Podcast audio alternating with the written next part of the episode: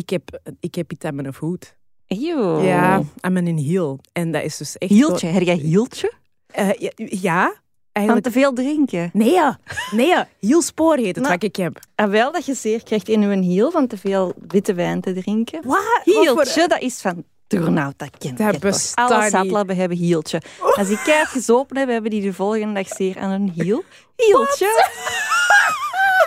een keer te denken. Nee, nee, ik heb dat echt niet. Nee, ik heb, ik heb dus een, een ontsteking. En eh, dat komt omdat ik op de, de avond van mijn première had ik hakken aan. Nieuwe. Eh, en ik heb die hele tijd aangehouden. Ik had er ook geen last van. Maar dan heb ik de fatale fout van een 35-plusser blijkbaar gemaakt. En zo een paar dagen later nog eens gaan feesten met hakken aan. En dat is dus nu meer dan een maand later dat ik daar zo keihard last van. Oei, Dat is echt een teken dat je oud wordt. dat hè? is het oud Als worden. zoiets simpel als gewoon eens een keer een ander schoeisel proberen. Ja. Echt, dat is kwijt ja, betant. En ik probeer er zo heel niet over te zagen, want it makes no sense, maar ik heb er echt last van. ja, dus jij moet in de platte schoenenclub Ja, binnenkort. ja, ja, ik heb ook nu van die slip-ons aan, gewoon voor zo... Ja. Ja, like oude mensen. Ja, kijk. Ze biedt me fisto's. Hè? Allee. Dit is Keihard. Hey. Een podcast waarin we keihard onszelf zijn. Ik ben Josephine Dalemans. En ik ben Dalila Hermans. En in deze podcast gaan we het hebben over dingen waar wij heel veel van vinden. Keivaag. Soms huge. Echt waar. Soms klein, Alleen zalig. Soms heftig. soms funny Soms dicht bij ons. Bij mij werd er altijd gemeld. En soms ook helemaal niet. Dat moet ik echt afblijven. Wauw. Maar altijd real. En nu word ik gecanceld. Zonder schaamte. Maar dat gaat kei dom klinken nu. Ongefilterd. Keihard. Jij het, jongen. Keihard. Eh, Oké, sorry, sorry, sorry, sorry, sorry.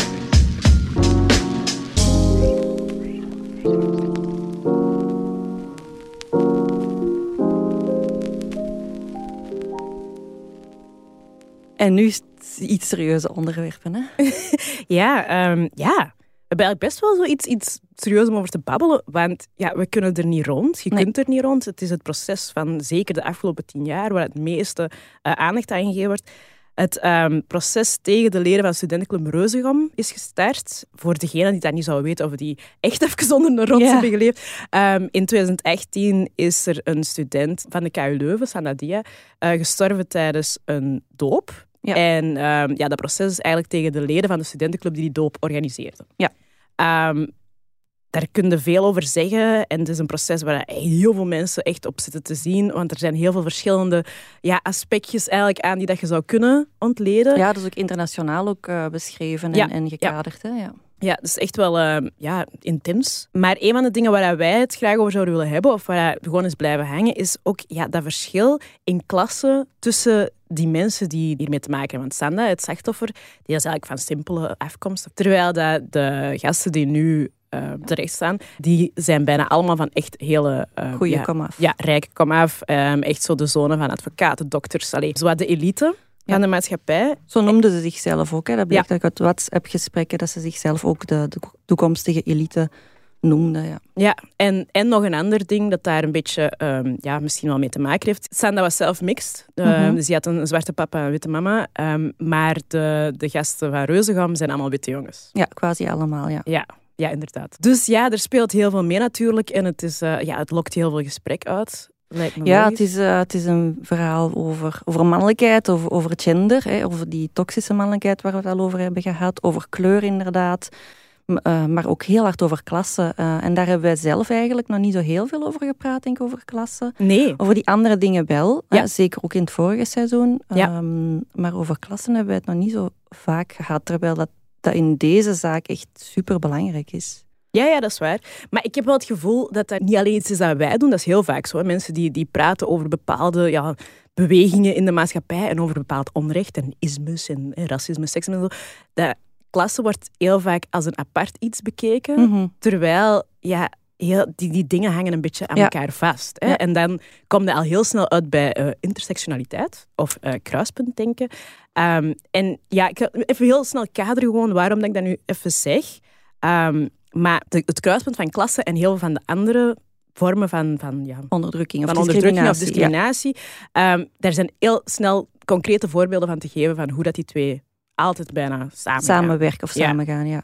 Je hebt bijvoorbeeld de loonkloof. Hè? Daar hebben we het al veel over gehad. En, en vrouwen verdienen ehm, ja, Europees gemiddeld 16% minder voor Mhm. hetzelfde werk als mannen. Dus dat is duidelijk, duidelijk seksisme. Dus hè? ja, ja. Voilà, dat is een ism. En een ism dat te maken heeft met klasse. Maar daar zitten ook weer andere kruispunten bij. Want bijvoorbeeld oudere vrouwen, die hebben nog meer last Ja, daarvan.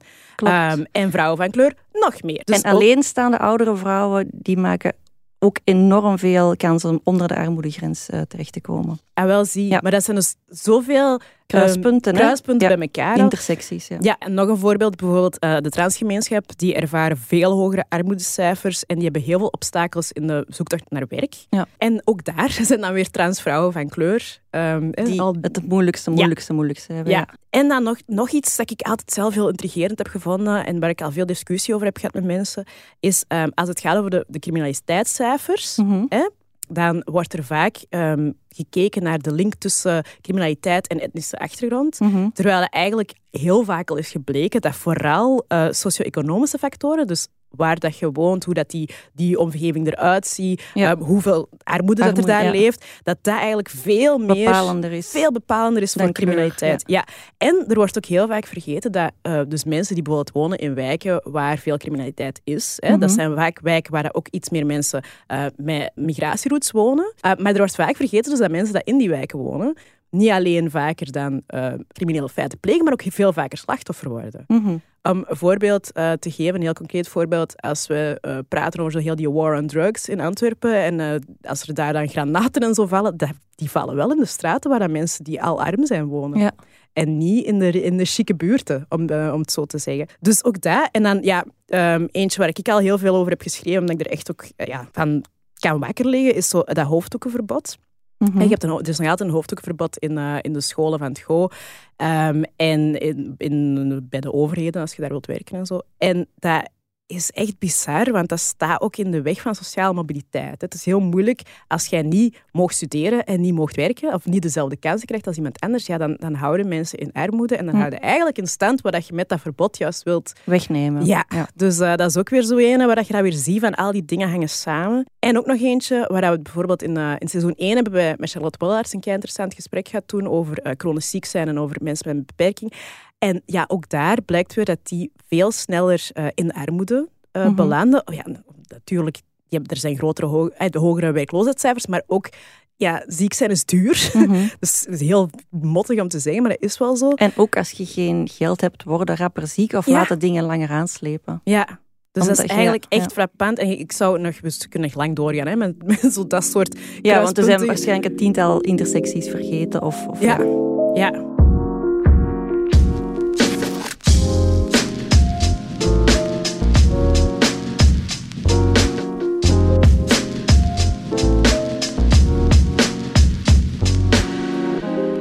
Het is in ieder geval iets waar we eens in moeten duiken. Ja. Want het is wel kei duidelijk dat dat gewoon een, een issue is. En dat, dan- dat, dat, dat het eigenlijk raar is dat we dat blijven zien als iets apart. Dat, we, hè, dat als we praten over al die dingen, dat we toch klassen daar zo wat buiten laten. Ja. Ehm, en ik heb daar dan zo'n beetje over na beginnen denken van ja, hoe komt het dat ik dat zo vaak doe? Hè?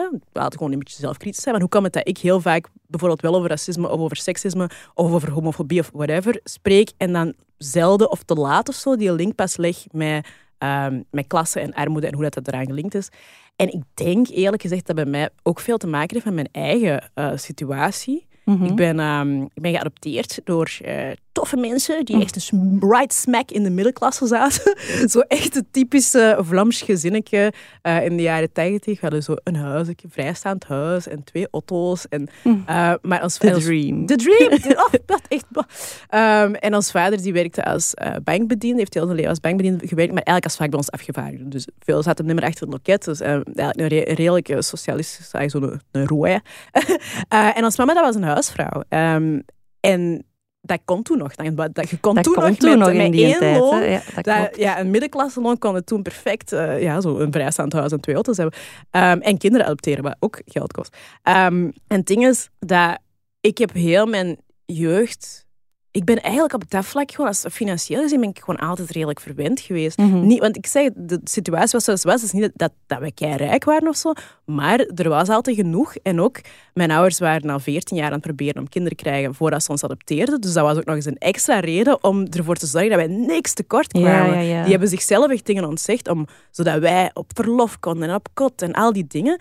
Ehm, en dan, ja, daarna, als ik zelf op mijn eigen benen ging staan, ik heb zo wel een periode, like iedereen denk zo in het begin, als ik zo 22, 23, zo mijn eerste jobs, dan had ik soms wel problemen om het einde van de maand te halen, maar dat was echt omdat ik gewoon... Te veel feest. Ja, en gewoon onverantwoordelijk omging met geld en zo, dat je nog niet wist van, ah ja, je moet eerst je huur betalen en al die shit opzij. Snap je? Ik ben Ja. zo, de momenten dat ik kan zeggen van, oh, toen had ik echt niks, het was totaal self-inflicted en ik wist ook altijd wel in mijn achterhoofd van wat er ook gebeurt, ik kan terug naar huis. Ja. Dus er was altijd dat vangnet. Ehm, en dan ja, nu vandaag, ehm, ik ben een, eh, de mama van het gezin, hè, dus- maar ik ben ook de enige kostwinner. Dus ik ben, ehm, ik ben zelfstandige en mijn man is meewerkende partner. Dus die Mhm. is het eigenlijk eh, mee in de zaak. Maar dat is vooral omdat ik heb gemerkt, eh, mijn man is altijd leerkracht geweest, dus het is nog maar een jaar of zo de situatie, is altijd leerkracht geweest. Maar ik was zoveel aan het doen op den duur hè, als zelfstandige en ik had zoveel kansen ook om dingen te doen en dingen dat ik echt gepassioneerd voor was. Ehm, maar we hebben drie kleine kinderen en ik wil die ook niet altijd Mhm. ja, we wilden die ook altijd wegdoen. Of, allee, dat was voor ons heel belangrijk, van dat die wel op, opgroeien bij een ouder. En dan hebben we eigenlijk gezegd van oké, we gaan dat even een periode zo doen. Dat Willem degene is die dan nu holds down the fort at home. En zodat ik eh, mijn ambitie kan waarmaken. En dat kan goed zijn dat dat in de toekomst ooit anders is. Maar in de realiteit zorgt dat ervoor dat ik nu dus de enige kostwinner ben. Maar dat lukt ook. Mhm. Dus ehm, dat lukt. Dus ik, ik ben nog steeds verwend. En ik- het, is wel, het heeft er wel voor gezorgd dat ik voor de eerste keer eigenlijk in mijn leven nu heel goed moet nadenken over welke keuzes dat ik maak financieel. Maar dat is niks in vergelijking met mensen die elke dag over Mhm. elke euro erover moeten nadenken. Mhm. En ik denk dat dat dus, amai, een veel uitleggen, maar ik denk dat dat er allemaal voor heeft gezorgd dat dat voor mij soms een blind spot is. Dat Omdat je- dat een niet iets is, ja. ja. Dat is niet iets wat dat ooit top of mind is moeten zijn in mijn leven. Omdat je er inderdaad nooit over hebt moeten nadenken. Nee, Ja. of toch nooit genoeg om, om Ja. echt zorgen te hebben. Ja. Hoe is dat bij u? Bij mij is dat wel anders. Ehm, geld is wel altijd iets dat in mijn achterhoofd heeft gezeten en, en nog altijd zit. Eh, Ik ben er nu ook wel, wel, gewoon, maar ik zal misschien een beetje kaderen, hè, zoals jij waar ik vandaan komt. Ehm, om naar het begin terug te koppelen, dat verhaal van die reuzengommers, dat was op, voor mij op een of andere manier wel bekend. Ehm, ik ben eigenlijk opgegroeid, mijn vader was advocaat, zoon van een huisarts. Ik ging naar een Jesuitencollege, dus dat lag helemaal in de lijn hè, van dat type reuzengommers eh, profiel. Zo echt de, ja, de hoge middenklasse, de, de elite, de, ja, de toplaag zo gezegd. Hè? Maar mijn moeder kwam uit een heel eenvoudig gezin. Eh, dus haar eh, vader, mijn grootvader, was een arbeider, gewoon schijnwerker, houtbewerker. Dus ik heb zo een beetje in de twee eh, werelden opgegroeid. Zowel Ja. de lagere klasse als de, als de hogere klasse. Ehm, en mijn ouders zijn wel, toen ik 15 was, uit elkaar gegaan. En Ja. dan heb ik radicaal voor mijn moeder gekozen. En ja, ik, ik, ik, ehm, ik weet dus hoe die beide werelden werken. Ik Ja. weet hoe dit die wereld van die elite werkt, hè, waar dat je beoordeeld wordt op je komaf. Ja, hè. ja. Bijvoorbeeld als ik naar het college ging, dan kwam ik daar binnen en dan was ik de dochter van. Ja. Hè, dan waren de- en dan had ik eigenlijk al een rode loper en heel veel applaus en schouderklopjes gewoon door mijn naam. Maar ik had nog niks gedaan. Eh, en zo werkt dat waarschijnlijk ook hè, bij die elite. Die, die kiezen elkaar voor bepaalde jobs. Of Ja. de zoon van mag daar dan gaan werken. En je houdt een, ja, een milieu in stand van allemaal gelijkgestemde zielen. Met dezelfde achtergrond, met dezelfde cultuur. Ja.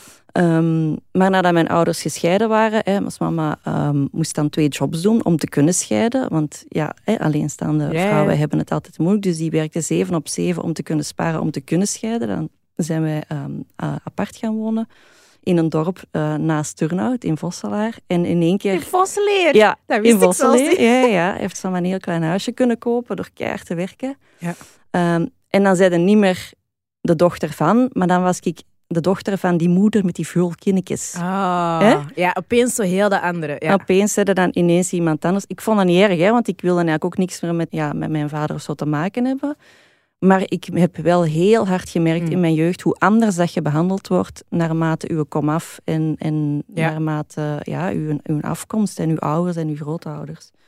Ehm, en vanaf dat ik 15 was, eigenlijk daarvoor ook al, ehm, ja, dat is echt het einde van de maand halen was eh, een heel Mhm. eh, tastbaar probleem, eh rekeningen die te laat waren of tot drie keer aanmaningen wachten als moeder. Die kennen ook alles aan studiefinanciering en leningen en zo, zelf eh, geld bij verdienen. En ja, dat, zit er gewoon van, van, van jongs af aan, denk ik, al in. Zo het, het idee dat jij zegt ontvangnet, dat heb ik nooit gehad.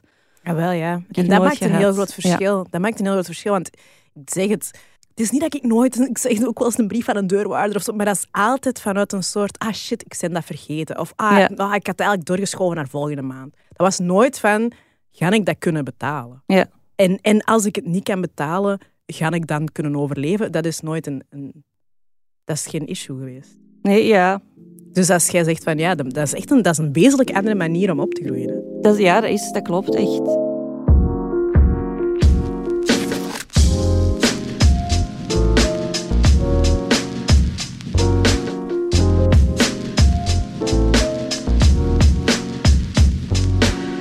Ja, over die twee maten, twee gewichten, hè, dat je beoordeeld wordt eh, op basis van je economische klasse en niet op basis van je persoonlijkheid of op je talent of zo.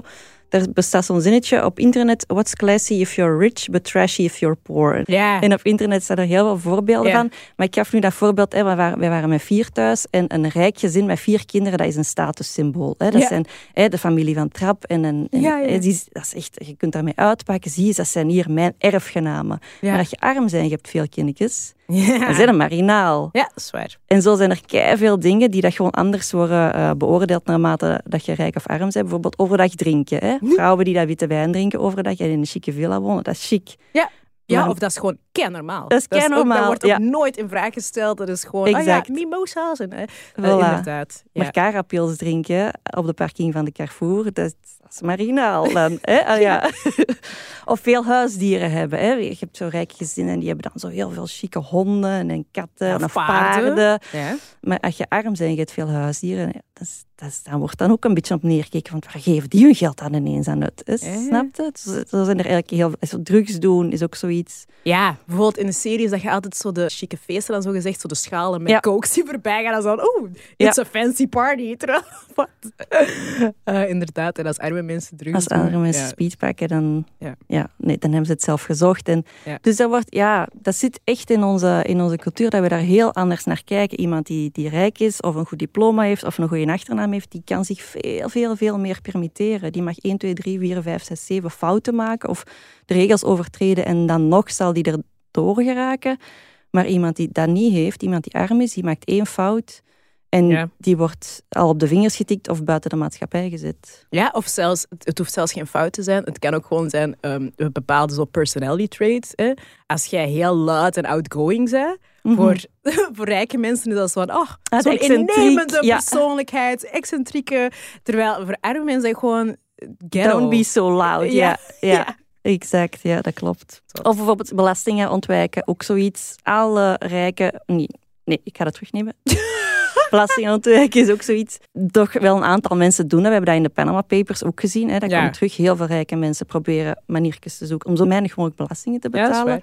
maar als arme mensen dat doen, oh my god, ja, dan wordt dat onmiddellijk bestraft. Het Ja. moest maar eens 50 euro of 100 euro ehm, dat ze verduisterd hebben of dat ze, dat ze geen belasting op hebben betaald. Ja, ja, dat is waar. Ah, en nog zo een, um, uitgehuwelijkt worden. Ja. Eh, in de adel bijvoorbeeld gebeurt dat eigenlijk constant. Ja. En volgens mij moet het daar niet eens voor van adel zijn. Ik denk dat dat in die elitegroepen ook gewoon gebeurt. Um, zo van gearrangeerde relatie. Huwelijken, ja. Ja. Ehm, en als je, ja, als je arm bent, eh, dan, dan wordt dat echt gezien als iets... Oh my god, en dat kun je toch niet doen? Ja, dat is zo achterlijk Ja, en dat kan toch niet ja meer. Maar we, medieval. Ja. Terwijl... ja, ja. maar we kijken wel allemaal naar de, naar de Crown. Hè? En dat vinden we fantastisch, zo'n sprookjeshuwelijk en dit en dat. Maar dat maakt denk ik wel zo dat leven met het idee, ik kom met alles weg, dat je met een andere ingesteldheid in het leven staat eh, dan als je weet, elke fout dat ik maak kan tegen mij gebruikt worden en kan het begin zijn van een ramp. Dus dat maakt dat je ja, helemaal anders volgens mij aan je leven begint. Zeker als je jong bent en je hebt heel dat gevoel gehad van als papa zal het wel oplossen. Mhm. Of als ik eh, met een auto in de prak krijg, ga ik een nieuwe. Ja. Eh, of ik kan gaan studeren en ik kan er één, twee of drie jaar niet, niet door zijn. En als moeder betaalt het inschrijvingsgeld wel. Dan sta je toch helemaal anders in het leven dan als je al die dingen niet hebt. Ja, absoluut. Maar ik, denk, ik ben een beetje aan het denken over mezelf. Hè, omdat ik dan... Ik denk dat daar... En dan zitten we weer terug, hè, cirkeltje rond, bij intersectionaliteit. Ik denk Mhm. dat het daar bijvoorbeeld... Ik heb dat gevoel, dat gevoel nooit gehad. Van ik Ah, kom nee, alles voilà. weg, want ik ben zwart, dus ik Ah, kom maar niks weg. voilà. Ja. Ik moet heel het keigoed opletten. Maar dan... Dus ik kan me voorstellen, als je en heel rijk bent, en ook niet zo een ander ding hebt dat... Dat je op al die, op al die ehm, kruispunten de, de, De- de, de voorrangsweg, highway. de highway, ja, voilà, geen obstakels ondervindt. Ja, Ah, dat, moet, dat moet plezant zijn wel, hè? Niet? ja, maar het kan ook fout aflopen. Ah, dan, ja, want dan, ja. heb jij geen, dan wordt je niet aangeleerd wat dat grenzen zijn. Nee, En- wat dat grenzen zijn, wat dat weerbaarheid is, hoe dat je kritiek moet ontvangen, hoe dat je zelfredzaam moet zijn, hoe dat je bescheiden moet zijn, hoe dat je anderen ja, kunt helpen of zo. Ook al, en als er dan eens een keer iets tegen je kar rijdt, Ja, dan heb je het gevoel dat je kwijt wordt ah aangevallen. ja want het is de eerste keer. Ja. Ja. Eh, interessant. Ja, dat over dat, dat, dat alles vanzelf gaat. Ehm, een, eh, een aantal weken geleden was ik op een, een nieuw ehm, non-fictie literaire boekenfestival. Zeg ik het juist? Non-fictie boekenfestival. ja, in ieder geval. Ja. Dat is een festival waar dat non-fictie boeken werden besproken. En er waren een aantal panelgesprekken. En eentje dat ik heb gevolgd, dat was met eh, Joris Luijendijk en eh Jihad van Puinbroek. En Joris Luijendijk was er om over zijn boek te praten, De Zeven Vinkjes. En dat gaat hier ook over. Hè.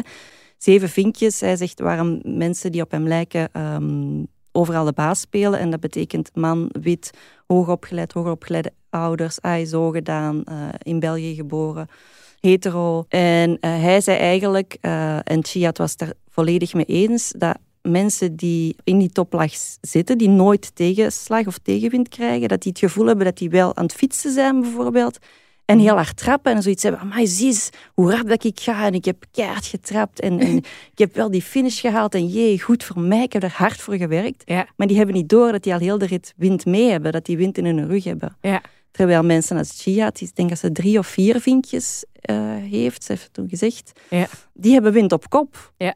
En die voelen heel hard dat ze wind op kop hebben. En die zijn zich er elke trap van bewust van, ik moet tegen de wind fietsen. Ja. En die trappen even hard, of misschien zelfs anderen dan de mensen die wind in de rug hebben.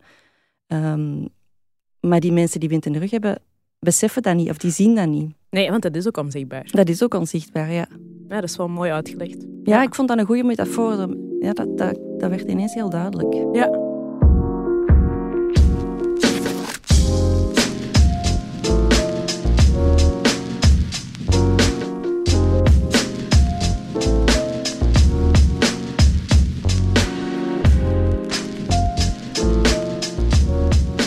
Even een pauzetje pakken? Ja. Pauzetje, pauzetje, Pauzetje. pakken?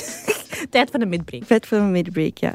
Dus ehm, pak altijd iets mee, iets dat wij zelf vaak doen of, of denken dat andere mensen ook doen. Ja, eigenlijk vragen we dat dan hier ook. Hè, aan, Ja, aan- ja. Hebben jullie dat ook? Doen Ja. jullie dat ook? Eh, en ik heb eh, iets dat meer mensen hebben, dat is een beetje telefoonangst. Dus als ik gebeld word door een nummer dat ik niet ken en ik voel me niet 100% top, dan pak ik gewoon niet op. Want Oh, ik moet me daar zelfs die slecht voelen. Ik pak gewoon niet op. Echt, een public service announcement belt mij niet.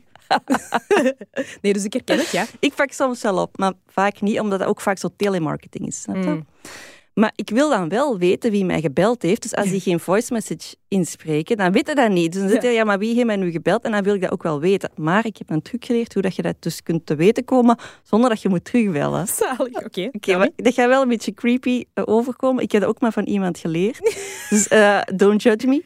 Maar je moet dus die telefoonnummer, als dat een gsm-nummer is tenminste, hè, opslaan. Dan moet je die in je WhatsApp-contacten zetten. Ja. En als die persoon ook WhatsApp gebruikt, dan zie je die profiel, dan zie je al eh, die, diens profielfoto. Dus dan kun je al kijken, van wat voor iemand is dat? Is dat een jong iemand, dat is een oud iemand? Ja. Eh, en dan zie je soms ook zo een biootje daaronder Ja, staan. Hè, in WhatsApp. Dus dan heb je al een beetje een idee van, oké, dat is dat type of dat type. Ja. Maar dan kun je ook nog verder gaan. Oh en dan kun je die profielfoto opslaan op je desktop. ja. En dan kun je die in Google Images zoeken. En dan komt er soms zo op die hun Facebook of Instagram profiel uit. En dan heb je de naam. Oh my god, echt. Maar ik heb... De lengtes dat wij... De lengtes will go through om Oh. niet te moeten bellen. Echt zalig. Maar ik heb het dus, de laatste keer dat ik dat deed, werd ik gebeld zo rond kwart na vier op een schooldag, eh, half vijf. En ik kende hem niet. Dus ik slag die nummer op en ik zie daar zo'n hele rare profielfoto. Echt Ja. zo'n een, een, echt zo'n grainy internetfotoke. En de, en de bio op WhatsApp was, eh, ik moet kaka doen. En ik had echt zoiets van... Ik kwam, mijn zoon kwam thuis. Ik zeg, hebben uw vrienden mij gebeld? Ja! Zalig. Dus ja. Oh, eh, Oké, nee, goeieke. Ja, ik ben een keiharde people pleaser. En mensen weten dat niet direct van mij of zien mij niet zo, omdat ik wel zo publiekelijk soms confrontaties ben aangegaan. Maar eigenlijk vind ik elke confrontatie er eentje te veel. Ik ben heel bang van zo... ik weet dat niet, dat is echt iets... Ik moet mij daar heel hard over zetten. Ehm, en ook in zo'n groep, in de groep, word ik echt iemand die zo wil dat iedereen... Iedereen tof. Ik ben zo'n beetje te over... Zo altijd gastvrouw, ook als het niet mijn feestje is. Zo, dat een beetje. Ehm, en dat maakt dat als ik voel dat er awkwardness is, ik heb zo'n onweerstaanbare drang om dat op te lossen. maar ik doe dat altijd verkeerd. Dus je maakt dat nog Ik maak awkwarder. meer awkward, omdat ik dan zo denk, ah ja, bijvoorbeeld, en eh, onlangs was dat in een groep waar ik, een groep vrienden, waar ik zo wist dat twee mensen een issue met elkaar hadden. En iedereen wist dat, maar ik kan er dan niet tegen dat dat zo hangt in de ruimte. Dus dan begin ik, begin ik onbewust heel net over dat ene issue. Van, zwicht, en ik hoor mezelf dat doen. En ik ben aan het roepen in mijn eigen kop, hou je bek. En toch blijf ik praten. En dan moet echt iemand anders zo ingrijpen. U zo weg bij ja, nekvel pakken. ja, ja, ja, dus mm, Ja, en ik heb dat al dikwijls gedacht van, zouden andere mensen dat ook hebben? Dat ze zo zichzelf horen praten en denken, je maakt het erger, je maakt het erger, je maakt het erger. En dan zo toch blijven gaan. Ja, ik denk ja, oké, wel. iedereen knikt hier. Ja, zalig. All right, I feel a little better.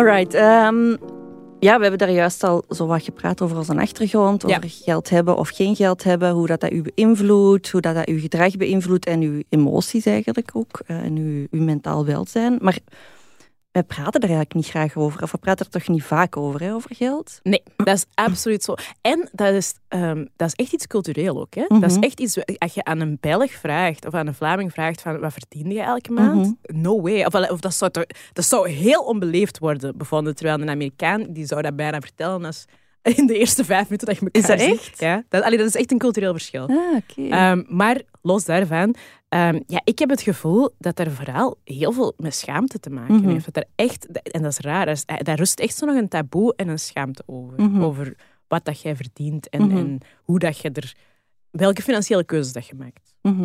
Heb jij ook dat idee? Ehm, ja, ja, als je arm bent, dan praat je daar niet graag over. Hè. Ik weet nog dat ik, eh, toen ik op dat college zat, eh, dat waren allemaal mensen die aan merkkleren droegen. Ja. En als moeder, die ging bij de Aldi winkelen bijvoorbeeld. Maar de meeste kinderen die namen, dan- of kinderen, tieners waren dat dan al, hè, die namen Mhm. een Leo mee, of een, of een Raider was dat toen nog, echt een merk, een A-merk van koeken. Ja. En wij hadden Olés thuis. En ik schaamde mij. Ik schaamde mij niet voor die Olés, want die zijn kei lekker. Ja. Maar ik wist heel goed hoe dat die Olés bekeken werden door die mensen die Leo's kochten. Ik maak het nu heel eenvoudig. Hè? Ja, ja. Dus ik deed die wikkels er thuis af, dat ik alleen maar die zilverpapieren koek had, mee had. ja. En ik weet, ja, dat is echt stom, want ik ben eigenlijk niet zo. Maar, en ik, schaam, ik, ik heb me eigenlijk nooit geschaamd voor ons moeder of, of voor hoe dat wij leefden. Want wij hadden eigenlijk ook wel alles, maar dan de, de Aldi-versie of, of de kringloopversie. Dus Ja. ik, ben, ook- ik heb niet het gevoel dat ik iets tekort ben gekomen, maar je voelt heel hard die blik op u van oei, die is arm of oei, die kan dat niet betalen. Zo me- een beetje medelijden Ja. of, of een beetje, ja... Ja, je, je weet heel hard Ja. hoe dat zij naar u kijken, denk ik. Ja, ik, ehm, ik heb zelf niet op een college gezeten, maar wel op een uniformschool. Mhm. En eigenlijk ook wel redelijk eh, elitair. Dus, ah, toen was dat een redelijk elitair school. Nu heb ik dat gevoel niet meer. Ehm, en ik weet nog heel goed, in het vijfde en zesde middelbaar, toen ik in het vijfde en zesde middelbaar was, was het uniform afgeschaft. Maar ik heb het dus wel van het zesde leerjaar tot, tot het eh, vierde middelbaar gedragen. En eh, om een beetje toe te werken naar het afschaffen van de uniform, waren er, als ik in het vierde zat, af en toe uniformloze dagen. En ik weet nog de stress dat dat was, Mhm. omdat iedereen dan een merk moest Mhm, aan hebben. mhm, Dat moest mhm. ook heel duidelijk op je kleren te zien zijn. Terwijl alle andere dagen, we didn't care, want het gaat gewoon een uniform en Ja. whatever. En dan die dag was dat precies kei belangrijk. Ja. Dus ik kan me er wel iets bij voorstellen dat dat zo. Misschien is het ook wel goed dat we daarbij zeggen dat ik in de jaren 80 en 90 ben groot geworden, Ja. jij in de jaren 90. En toen was dat nog erger, hè? die Ja. merkenfetish. Ja. Ik heb de indruk dat dat vandaag bij jongeren dat die veel meer oké zijn met zo tweedehands en vintage en thrift shop. En dat, die, dat Aldi en de Lidl zelfs top Cool werken. vinden, Ja, en de Zeeman De ook Zeeman. fantastisch vinden. Ja. Maar toen wij opgroeiden was dat nog niet. Hè. Toen kwam dat zo juist op. Maar onze Nee. moeder had bijvoorbeeld ook een tweedehands winkel als een van de eerste in de Kempen. Ja. Ik vond dat fantastisch, want ik zat toen in mijn grunge-periode. Maar Ja. ik weet wel dat dat, dat, dat echt... Dat was toen echt radicaal. Eigenlijk tweedehands leren kopen. Uw, ja. Ja. dat was toen Ja, nog. ik zat, bij mij was dat echt de piek van die merkenrage. Dat, inderdaad. En er zijn zo nu nog merken dat ik toen, zo Zino en Judy, Ja. en zo van die... eh, Ja, en Fruit hey, of a was- Loom Ja, en. Lily. Hey, en, maar dat was echt een En big deal. Ja. En Polo. Ja, en als je dan als je nog de, de fatale fout durfde maken van niet alleen geen merk aan te hebben, maar ook nog eens een nepmerk. Want je Ja. had ook zo versies, de cheap versions. Hè, zo Lacoste, hoeveel van die polo's dat ze niet hadden met zo geen krokodil, maar wel een beest. En die. Kipling-aapjes. Ja, maar dan, was dat echt, dan werden daar echt op, op aangekeken. En daarom dat dat, dat, dat uniform kind of made sense. Ja. Hoewel dat je dat daar ook wel... Hè, daar hadden, nou, daar, we gingen dan weer wel op zoek naar andere redenen om, om iemand niet cool te vinden. hè, Daar niet van. Maar dan nam wel een klein beetje dat weg, tenminste. Mhm. Maar ja, eigenlijk, als we hier er straks al een beetje over aan babbelen waren, vond ik ook wel dat Ella daar iets heel... eh, onze producer Ella is er weer bij. eh, daar iets kei interessant over te zeggen had. Want die schaamte, dat is niet alleen bij mensen die... die niet alleen bij de have-nots. Er is ook een schaamte en er is ook een taboe in een andere richting. Ella, kun je anders zelf even uitleggen? Ik kan dat, ik kan dat. Hey, ja, ik heb dat dus echt omgekeerd. Niet dat ik... ehm, ik kom uit een middenklasse gezin. Eh, we hebben, het is niet dat wij een zwembad thuis hebben en al die zaken, maar wel twee auto's, eh losstaand huis. En ik heb dus eh, een cent gekregen van mijn ouders. Mhm. Ehm, een paar jaar terug. Ja, ik ben nu, nu zelf drie jaar aan het werk of zo. Ehm, Maar ik heb dus eigenlijk een stevige buffer van mijn ouders meegekregen. En mijn broer ook. Die heeft dan al meteen een appartement gekocht. Ik nog niet. Ehm, en ik merk gewoon heel hard, ik zit met dat geld. En nu ben ik zelf aan het kijken van, kan ik misschien iets kopen? En ik, vind dat bijna gênant om dus al... Of ik vind dat gênant, niet bijna. Ik vind dat gênant om tegen vrienden te gaan zeggen... Ah, ja, ik ben aan het kijken of ik iets kan kopen. Omdat ik dan denk... Die gaan dan meteen nadenken, hoezo kun je op je eentje na drie jaar werken al Ja. iets kopen? Dus dan ga ik moeten zeggen, ja, ik heb een cent van thuis en dan zo, er zit nog wat erfenis. Zo, nee, nee, ik kan dat zeker niet allemaal zelf verdienen. En dan krijg ik al stress van, die gaan dan vragen hoeveel ik heb gekregen. En Ja. ik voel mij echt bijna schuldig. Mm. En ik weet niet waar dat vandaan komt, want op zich Maar is dat omdat de rest van uw vrienden dat niet heeft? niet per se. Dat is gemengd, want er zijn er heel veel die dat ook hebben, Ja. eigenlijk. Eh, maar ook even goed, dat is misschien wel 50-50, denk ik. Ehm, ja, en het- ik vind het dan uiteraard moeilijker om dat te zeggen tegen mensen van wie dat ik weet, je hebt geen cent van thuis uit. Ja. Terwijl, die doen daar dan ook niet moe. Als ik dat dan wel vertel, er is niemand die zegt, amai, hier, ze, verwend nest met je cent van Nee, thuis. nee, Dat niet. Ehm, maar ik merk dat heel hard. Of over mijn loon ook heel lang. eh, ja, of ik heb daar lang voor nodig gehad om met mijn vrienden of collega's daarover te praten, omdat dat gewoon niet gebeurt. Mhm. Nee, het is echt dat taboe. Want Ja. ik- Ik heb ook een duo, niet, niet van mijn ouders, maar van de ouders van mijn man, gekregen om ons eerste huis te kopen. Maar ik had dan juist een drang om dat keihard tegen iedereen te zeggen, dat zeker niemand zou denken dat ik dat, ik dat geld had. Ik had dan meer iets aan, weet goed, dat ik deze niet, we couldn't do it, we hebben dat gekregen. Maar dat is eigenlijk vanuit dezelfde, dezelfde emoties. Hè? Dat is ook vanuit een soort schaamte van, ja, ik weet dat het niet normaal is dat deze kan. Zo. Ja. Maar dan weet je, dan beseft je wel goed dat je de uitzondering bent, als ik het zo begrijp. Of waar komt die schaamte dan? Of je wilt gewoon niet als rijk of verwend gezien worden, of waar komt is- die schaamte dan vandaan? ik denk, ik weet het zelf, voor mezelf kan ik het moeilijk verklaren, maar ik denk dat het veel te maken heeft met, ehm, met het taboe dat er in het algemeen op geld ligt. Ja. Niet per se veel, weinig, want ik heb het gewoon altijd. Als het gaat over geld, I get weird. Of zo. Of als daar vragen over gesteld worden, dat, dat blijft iets aardig. Ja. Ehm, Ja. Maar ik weet niet wat dat bij u was. Ik denk misschien toch een beetje het gevoel van dat geld en verwend daaraan hangt. Ik ben nu even, omdat je daarnet zei van die leeuws en de olees. Ik had zelf altijd de leeuws. Eh, Er zijn echt zo dingen. Als je een vrijstaand huis en twee, twee en, En leeuws.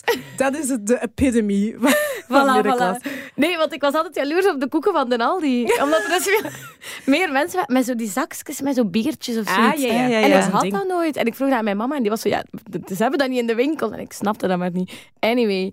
ehm, dus altijd wel ergens het besef gehad van, ah ja, ik heb net iets meer dan de rest dan misschien gemiddeld op mijn school.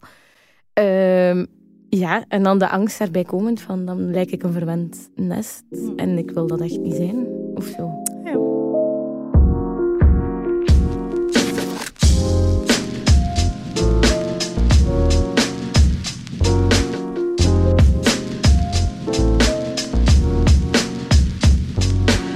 Als ik misschien daarop mag reflecteren, want we hebben ook een hele gemixte vriendenkring. Ja. Eh, ik weet ongeveer waar iedereen verdient. Ik heb eigenlijk zelf geen schaamte, want ik zeg dat ik heb niet het gevoel dat ik iets mis en ik heb een leuk leven en ik kan eigenlijk kopen wat ik wil, alleen nooit aanmerken. Ja. Ehm, als iemand dat zou zeggen, want er zijn bij ons in de vriendenkring ook mensen die een, huis, eh, die een deel van een huis hebben gekregen of een auto hebben gekregen, dan ben ik niet jaloers of dan ga ik die niet als verwend zien. Maar ik vind dat eerder vervelend in kleine dingen. Bijvoorbeeld als je op eh restaurant zit en iemand moet de rekening betalen. Ja. Meestal mensen met genoeg geld, die gaan niet de reflex hebben, ik ga dat betalen. Meestal de mensen met weinig geld, die, die zien die rekening komen. Ik heb dat ook. Ik zie die rekeningen liggen. Ik ben aan het denken, staat er nog genoeg op mijn rekening om wat voor te schieten? Ja. Ik ben daar heel tijd mee bezig. En de mensen die genoeg geld hebben, oh, het maakt niet uit wie het dat betaalt, we krijgen dat wel terug. Ja, ja, ja, Terwijl dat voor mensen die dat geen geld hebben, een stressfactor is. Ja. En als je daar dan minder bij stilstaat als mens met veel geld, Ja. dan vind ik dat soms vervelender dan als die zeggen, ja, ik heb van de mama of papa een auto gekregen. Ja, tuurlijk, ja, tof voor u. Maar zo het, het empathie of het inleven in, mis ik soms wel. Dat snap ik heel goed. En, maar ik denk dat eh, als ik even gewoon heel snel aan het denken ben, mijn vriendenkring, Mhm. de meeste mensen zijn niet, hebben niet veel, of, of hebben niet veel geld gehad tijdens het opgroeien. En eh, ook nu weet ik dat ik een van de... Allee, ehm, ik weet het eigenlijk niet puur, puur op geld, weet ik het niet. Maar bijvoorbeeld, ik heb een huis en ik, allee, ik, heb, ik heb al dingen die veel van mijn vrienden bijvoorbeeld nog niet kunnen betalen. Mhm.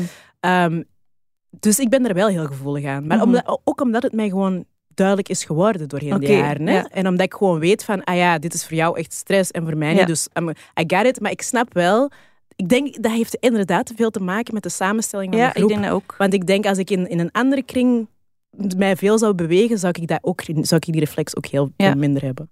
Of ja, vroeger was nu is dat, ik ben 42, dus nu is dat wel iets minder. Ik ben iets wel stabiel, eh, financieel stabieler. Maar bijvoorbeeld als je inderdaad uit gaat eten en één pakt, pakt een steak van, van 25 Ja. of 30 euro en een, mijn, een vriendin van mij pakt een spaghetti bolognese van 10 of 11 euro. En dan op het einde deelde alles door acht. En dan heeft hij zo'n, godverdomme, ik heb juist die goedkope spaghetti. Dat zijn echt stressmomenten. Of op vakantie gaan met vrienden. Of uitgaan, of zelfs gaan shoppen. Ik koop bijvoorbeeld nooit kleren in een nieuwe collectie. Ja, ik ook. Ik, ik kan dat er niet aan geven, dat past niet in mijn budget. Ik vind dat ook totaal niet erg. Maar als je dan bij een vriendin gaat kopen en die staat dan een kleedje aan 400 euro te passen, ik, ik krijg daar nu al zo ambetante gevoelens van Ja. hoe kun je zo 400 euro uitgeven zomaar? Dat zou bij mij echt nooit van zijn leven kunnen. Ah ja.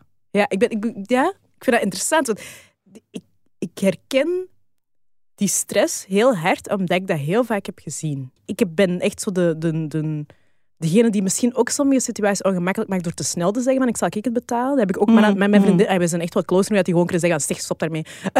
ik wil mijn eigen ding betalen. Zo, maar, maar ik ben eerder daar of zo, omdat ik, dat, omdat ik echt, ja, ik zeg het, het is een beetje like in de midbreak. Als ik maar awkward, awkwardness kan vermijden, zal ik het doen.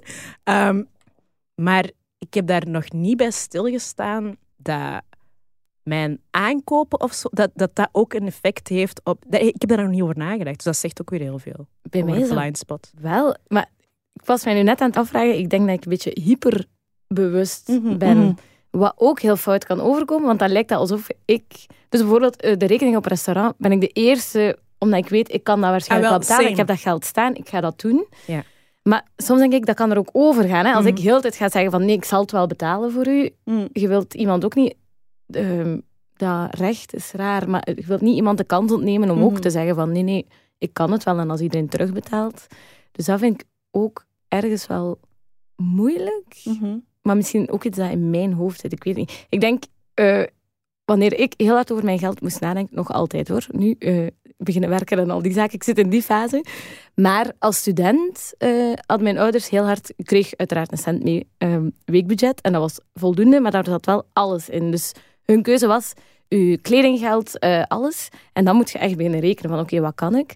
Ehm, en toen had ik al vrienden die werkten en die gingen dan koffies drinken met mij en dan betaalden die dat. En nu ben ik heel hard zo, al mijn studerende vrienden, ben ik zo aan het spenden. Van nee, nee, kom, we gaan... Pak maar die een dure latte macchiato met duizend smaken. Eh, ik betaal dat wel. Maar ik moet zien dat ik dat niet te veel doe, denk ik. Want je kunt mensen ook zo wat kleineren ergens. Maar Ik dat weet ik niet. Ik denk dat Nee. je daar precies wel een goed gevoel of oog voor hebt. Ja, en ik denk vooral, want ik, ik merk als we hier praten over zo, ehm, die schaamte en dat taboe dat erop hangt.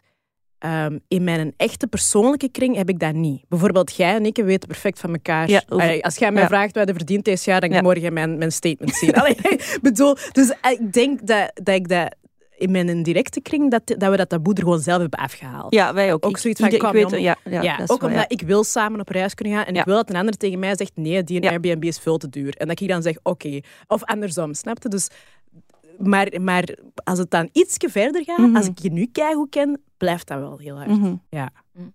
We hebben daar juist besproken over hè, dat je jezelf probeert in te leven hoe de ander het heeft. Ik denk ook wel dat we heel vaak in films en series en op nieuws ook eh, de levens van de middenklasse mensen zien. Hè. Ja. Met de coronacrisis was dat heel duidelijk. Ja. Ze gingen filmen in een huis met een trampoline. Eh, al die kinderen hadden hun eigen slaapkamer, hun eigen laptop om Ja. hun huiswerk te maken. Maar dat is niet hoe de meeste mensen leven. Nee, nee, Dus absoluut. ik denk dat ja, arme mensen heel goed weten hoe dat de middenklasse en de, de, de, ja, de topmensen leven. Omdat je die altijd ziet, ook in, in films, hè, met die, de twee zomers of wat was het? Ook allemaal rijke mensen Ja. weer dat je ziet. Ja. Dus je ziet de problemen van rijke mensen of je ziet de problemen van middenklasse mensen. Maar je ziet zelden de, de problemen en de gewone levens van arbeiders of van kassières of van mensen die vuil ophalen of van, ver- van verpleegsters. Of, Ja. Die zien we veel minder. Dus het is denk ik ook iets moeilijker om u daarin in te leven, omdat je die verhalen veel minder ziet. Nee, dat is.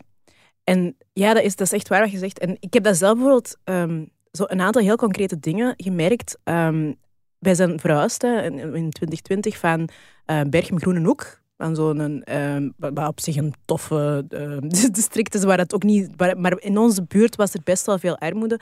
Ehm, en op de school van mijn kinderen toen, dat was een super diverse school, alle nationaliteiten, maar er zaten ook een aantal vluchtelingenkinderen en, en heel veel eh, kinderen die in armoede leefden. En nu wonen wij in Sint-Kruis, in, in, eh, bij Brugge, echt zo ja, in het groen, tussen de, eigenlijk tussen de villa's. En ja, is er geen diversiteit op de school? Echt niet.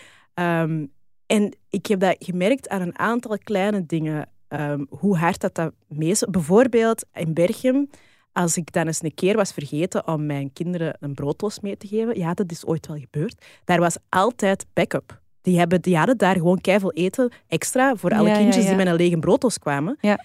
En het is ene keer gebeurd, omdat mijn kinderen nu eten warmmeter op school. eh, Ook al iets waar je over zou kunnen nadenken, want dat kost ook wel geld. Eh, maar er, is, er zijn ook kinderen die boterhammen eten. Maar er was een dag dat er geen warm eten zou voorzien zijn. Dus ik had, ehm, ik had dat vergeten, want ja, ik moet nooit meer broodlozen maken. Dus die waren naar school gegaan zonder... En dat was echt even een ding. Van oeh, hoe gaan we dat hier oplossen? Want Mhm. daar hebben ze niet, Niet die reflex, nee. liggen voor alle kinderen die... Allee, en dat zijn zo'n kleine dingen, maar ik denk dat is wel heel frappant. Dat is wel Mhm. een heel groot verschil eigenlijk. Mhm. Ja, ik moest er even aan denken.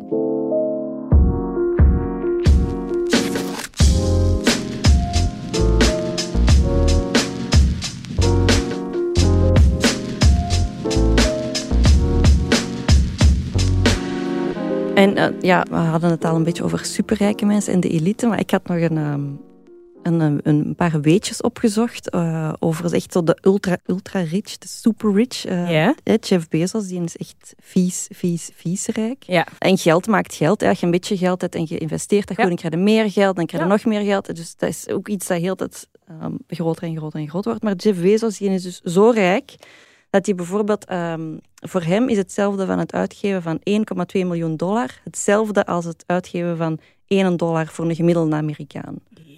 Dus die, hè, met, Ah, met man, het toch. gemak waarmee dan een Amerikaan een pakje kauwgom of zo koopt, Ja. koopt hij een paar villa's of zo. Of een, of een vrijstaande villa. Ja. Ja.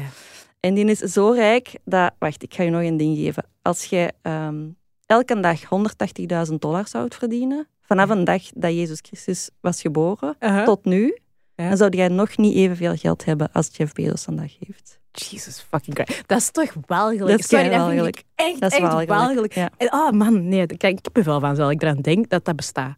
Maar je kunt alleen maar ook zo rijk worden als je andere mensen uitbuit. Want Natuurlijk. die zijn werkers, ja, die hebben niet eens een fatsoenlijke vakbond. Net er nu wel... Ja, dat was ergens... Ja. dus pas net nieuws geweest dat er wel een, Ja. eindelijk een, een vakbond is. Maar voor de rest, allee, die, de omstandigheden eh, bij Amazon, dat is historisch. Allee, dus dat, is, dat is legendarisch ja, hoe slecht dat is. hè. te huilen, ja. Ja, dat is wel eigenlijk. Echt, ik kan er echt... Als je daarover begint na te denken, over zo miljardairs... En ik zeg het ook, some of my favorites zijn ook miljardairs. En Rihanna en Beyoncé en um, love them. Maar still, like, als je daarover begint na te denken, dat is echt absurd. Dat is absurd dat dat kan bestaan. Ja. Dat is echt, um, ja, moreel niet te verantwoorden. Maar dat is ook het rare van... Dat zie je ook vaak van mensen die uit die arbeidersklasse komen. Mhm. Of mensen met een andere, hè, die op een ander kruispunt staan. Hè, eh, van kleur zijn of vrouw zijn. Eén keer Ja. dat die rijk zijn. Die gaan niet altijd een, een touw teruggooien om Nee. de rest naar boven te halen. Die gaan gewoon de gewoontes en de gebruiken overnemen van de topklasse. Die Ja. even discriminerend zijn. En dat vind ik zo'n raar idee. Ik denk, als, ik denk dat als ik rijk zou zijn, maar je weet dat niet, hè, Ja. dat ik dan wel goede dingen met mijn geld zou doen. ja, maar ik denk dat die wel Maar ik- denken dat ze dat doen. Want ik denk dat die zo de fundraisers en de chique veilingen Ja, en maar zo... dat is dan niet jongen hun geweten afkopen? Ja. ja, dat is letterlijk. Maar ik denk wel dat die dat, die dat denken. Dat die denken dat ze zo... eh, dat zo de trickle-down, dat dat bestaat. Terwijl het al lang bewezen is dat dat eigenlijk niet echt bestaat. En dat de superrijken niet gaan zorgen voor meer Nee. welvaart. Ehm, ja, en ook, ik heb, ik heb er al keihard over nagedacht. Want dat is zo, als je daarover begint na te denken, dan komt er zo'n soort van mentale wormhole. Waar, Allee, ik mhm. het toch, waar je aan zo blijft, tunnelvis. Want dan dacht ik van ja, oké, ik denk ook dat ik, dat ik goede structurele veranderingen zou willen. ehm, eh, maar ja, vanaf wanneer? Want wat wil ik dan eerst voor mezelf? Mm. Hè? Like, wa- wanneer zou, ben ik rijk genoeg op het punt dat ik nu begin te zeggen: van, oké, nu moet ik echt wel beginnen. Ik, ik weet dat niet. Ik denk dat, dat hoe dat je je gedraagt nu eigenlijk heel veel zegt over hoe dat je zou gedragen als je superrijk zou Mm. zijn. En ik heb zoiets van nu denk ik, probeer ik wel hè, um, eh, gul te zijn en, en na te denken daarover, maar heb ik ook die blinde vlek waar we het al heel aan het over hebben. Mhm. Dus, dus ik zou heel actief daarmee moeten bezig zijn als ik meer geld zou verdienen om die blinde vlek te blijven bevragen en er naar te blijven kijken. Want anders ga ik gewoon een beetje verder kabbel denken hoe dat ik nu bezig ben. Mm. En ik denk dat dat een beetje is wat die superrijken hebben gedaan. Gewoon gedacht van, ah ja, maar ik denk ik wel een goede mens, dus ik zorg dat mijn maten geld hebben. Ik zeg, ik koop een huis voor mijn moeder. Hè. Dat is bij al die rappers Mm. een van de eerste dingen dat ze doen. Mhm. Hè, ik ga de wijk, eh, ik ga naar een school zetten. Zo. Maar die hebben niet door dat ze met hun geld nog veel meer... Of misschien hebben ze dat wel door, hè, maar dat stopt altijd een beetje daar. Mm. Want Beyoncé heeft ook zo'n tijdje onder vuur gelegen omdat hij eh, zo'n kledinglijn had, maar die liet hij wel eh, maken door onderbetaalde Ja, eh arbeidsters in het zuiden. ehm, Maar wel dan t-shirts met in het groot feminist op. ja. Dus dat is ook weer een, ja, een warboel van verschillende kruispunten en, en ook ja, een beetje window dressing. Maar dat is zo bizar. Hoe kun je nu Dat is uitstralen dat je feministe bent en opkomt voor vrouwen van kleur, terwijl dat je je workers totaal niet goed behandelt? Maar dat is crazy. Ja. en dat is, het, is niet, het is niet dat we hier eh, logische verklaringen hebben. Ik, ik denk het, het bestaan van superrijke mensen is aan zich absurd. Mhm. En kan ook, volgens mij is het niet mogelijk, want nee, dat is niet volgens mij, daar zijn zeker een vast onderzoeken naar, maar die heb ik nu niet opgezocht. Maar ik denk niet dat je op een bepaald niveau van rijkdom kunt geraken op een ethisch verantwoorde manier. Je gaat altijd dingen hebben moeten doen onderweg Mm. die... Ja, want anders zouden er veel meer superrijken zijn. Als we gewoon door hard te werken daar zouden kunnen geraken, toch? Ja, dat Ik, klopt. vind, ik ook kaart. Ja, dat is waar. dat is wel echt waar. Maar ik bedoel, er, je moet op een gegeven moment economische keuzes maken om daar te geraken die altijd mensen gaan onderdrukken. Ja. Dat is inherent. Dus jij zegt dat je kunt niet superrijk worden zonder iemand anders uit te buiten. Superrijk niet, volgens mij. Hm. Zo, aan de- die getallen dat je zegt, hè, of als je zo weet Ja. dat je ehm, elke seconde van je leven een dollar moet uitgeven en 32 jaar moet worden voordat je aan een miljard zit, dan kan het niet dat je meer dan een miljard hebt. Nee. Dan, dan heb je iets gedaan dat, Ja. dat anderen heeft uitgebouwd. Hm. Dat kan me nou niet anders. Ziek, hè? Dat is echt ziek.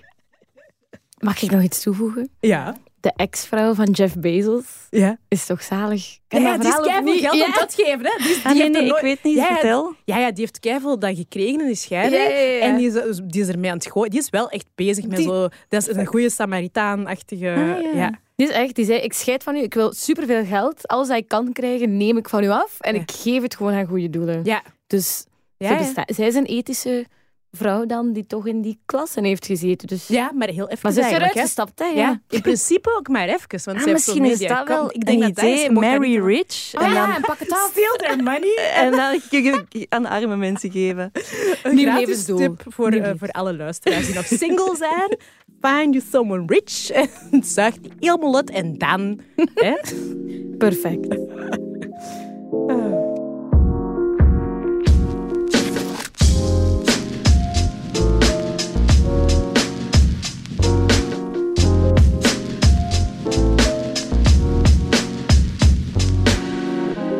Eh, om een beetje terug te keren naar het begin, hè, hoe dat we begonnen zijn met, die, ja, met het proces eh, tegen de studenten van, eh van Reuzegom. En Mhm. dat kruispunt tussen klas en, en gender en kleur.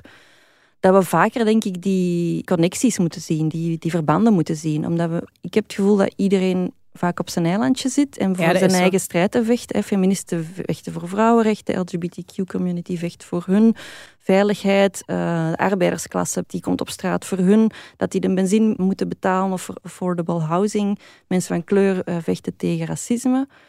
Maar al die strijden zijn verbonden met elkaar. Ja. En ik denk dat we, dat, dat we dat nog te weinig benadrukken. En misschien moeten we die verbondenheid meer benadrukken en meer in het licht brengen. Ja. Dan Ja. voortdurend op ons eigen eilandje te zitten. Ja, ik denk inderdaad, we moeten die veel meer tonen. En je merkt dat dat tussen sommige, eh, op, eh, op sommige kruispunten al gebeurt. hè. Als het gaat over racisme en seksisme, daar zijn we echt Ja. al over bezig. Ik, ik hamer daarop, maar veel mensen van eh, vrouwen van kleur, eh, dat, dat wordt heel erg meegenomen. Dus daar, daar zijn we al mee bezig. Maar als het over klassen gaat, doen we dat, naar mijn gevoel, als activisten en als mensen die daarmee bezig zijn, of daarover schrijven, of over nadenken, heel weinig. En ook denk ik als gewone mensen, dan we blijven dat zo wat zien als iets eh, op een eiland op zichzelf, terwijl het dat, natuurlijk klasse, dat, dat, dat, gaat over iedereen in de maatschappij. Ja, en ik denk misschien dat dat komt omdat dat verhaal over klasse, dat ging vroeger vaak over de witte mannen-arbeidersklasse. En Ja. daar kon ik mij dan misschien als vrouw iets minder bij voorstellen. Ja. Vrouwen van kleur of ehm, m- moslimas, die kunnen zich daar helemaal niet mee, niet mee linken, want je hebt dan waarschijnlijk ook een beetje xenofobie van die Ja, witte arbeiders. Ja, ja. dus je zit met zoveel wantrouwen, terwijl ik denk als je die gemeenschappelijke strijd Ja. te goed voert, kom je veel verder. Ja, ja, absoluut. En, want als je helemaal doorgaat, dan zitten de wortels van al die dingen ook vaak in hetzelfde. Hè? Die Mhm. zijn een beetje in dat kapitalisme en witte Mhm. suprematie. Daar, van daaruit zijn heel veel van die ongelijkheden gestart. Dus inderdaad, ik denk dat dat een goede conclusie is. Ja? Dat we gewoon wat meer van ons eiland, ja, maar dat is. En met, met elkaar erover moeten praten en al die dingen met elkaar moeten linken. Ik vind dat- Ja, en misschien toch iets open over geld durven praten. Ja. En dat schaamtegevoel afwerpen. Daar daarover. begint het mee. Daar begint het mee. En ik denk, ja, je kunt met een blindspot zien als je erover geklapt hebt en als je erover gehoord hebt. Dus dat is echt wel... Dat gaan we doen. Zeg, Ella, dank u voor uw toevoegingen. hè. Ja, ik- ja, ik ben blij dat je zo mee hebt gebouwd. Dat is graag gedaan, ja. Het komt soms als een stem uit het niks, maar kijk, bedankt dat ik eh, mijn mening mocht spuien.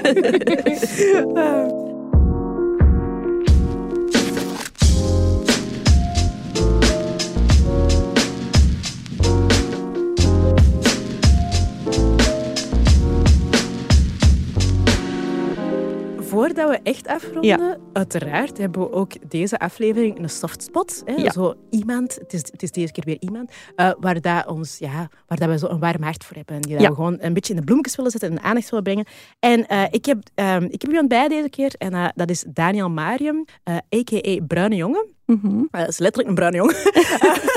Is hij Eh, ook uit de Kempen? Ik denk het. Ja, ik, zo Ik ben er die is wel 100.000% echt van de zeker van. Ja, eh, een jonge kerel eh, met Afrikaanse roots die heel leuk eh, sociale media content maakt. Echt, ik weet niet hoe grappig Ik heb al strijk gelegen met al die zijn, eh, TikToks en met hoe dat hij op Instagram ehm, zich, zich uitspreekt over dingen en echt zo de grappigste filmpjes maakt. Eh, daarnaast is hij ook woordvoerder van Wel Jong, zo de, de organisatie die ehm, jongeren uit de LGBTQ community eh, ondersteunt. Ja, die zit ook op Ja, die zit ook op kruispunten verschillende dan. kruispunten. Ehm, en, en is daar heel open over en gewoon heel goed in. Is heel ontwapenend. En ehm, ik ken hem een klein beetje. eh, hoewel dat we elkaar nog nooit ontmoet hebben, we hebben wel al een paar keer gebeld. En dat zijn de meest hilarische gesprekken. Eh, dat is echt zo de, de gast waar ik denk van, oh, als ik nu zo ehm, twintig was en in Antwerpen woonde, we would be besties. For real. ik zou elke dag bij hem hangen. Dus voilà, ik dacht, eh, die verdient wel eens een softspot. Sowieso.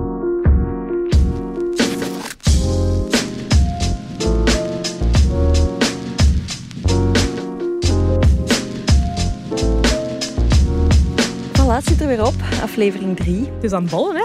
Ja, de trein is aan het bollen. De trein, daarna zijn we niet meer te stoppen. Ehm, ja, in ieder geval eh, bedankt eh, aan u om te luisteren. En ja, we, we babbelen snel weer verder, Jof? Ja, over twee weken weer een nieuwe aflevering. En ik weet al waar het onderwerp over gaat, dus de vierde moet je zeker, zeker luisteren. weet ook waar het over gaat, dus. Ehm, ah wel, merci. Tot, En, eh, tot, tot de volgende keihard. Ja, joe.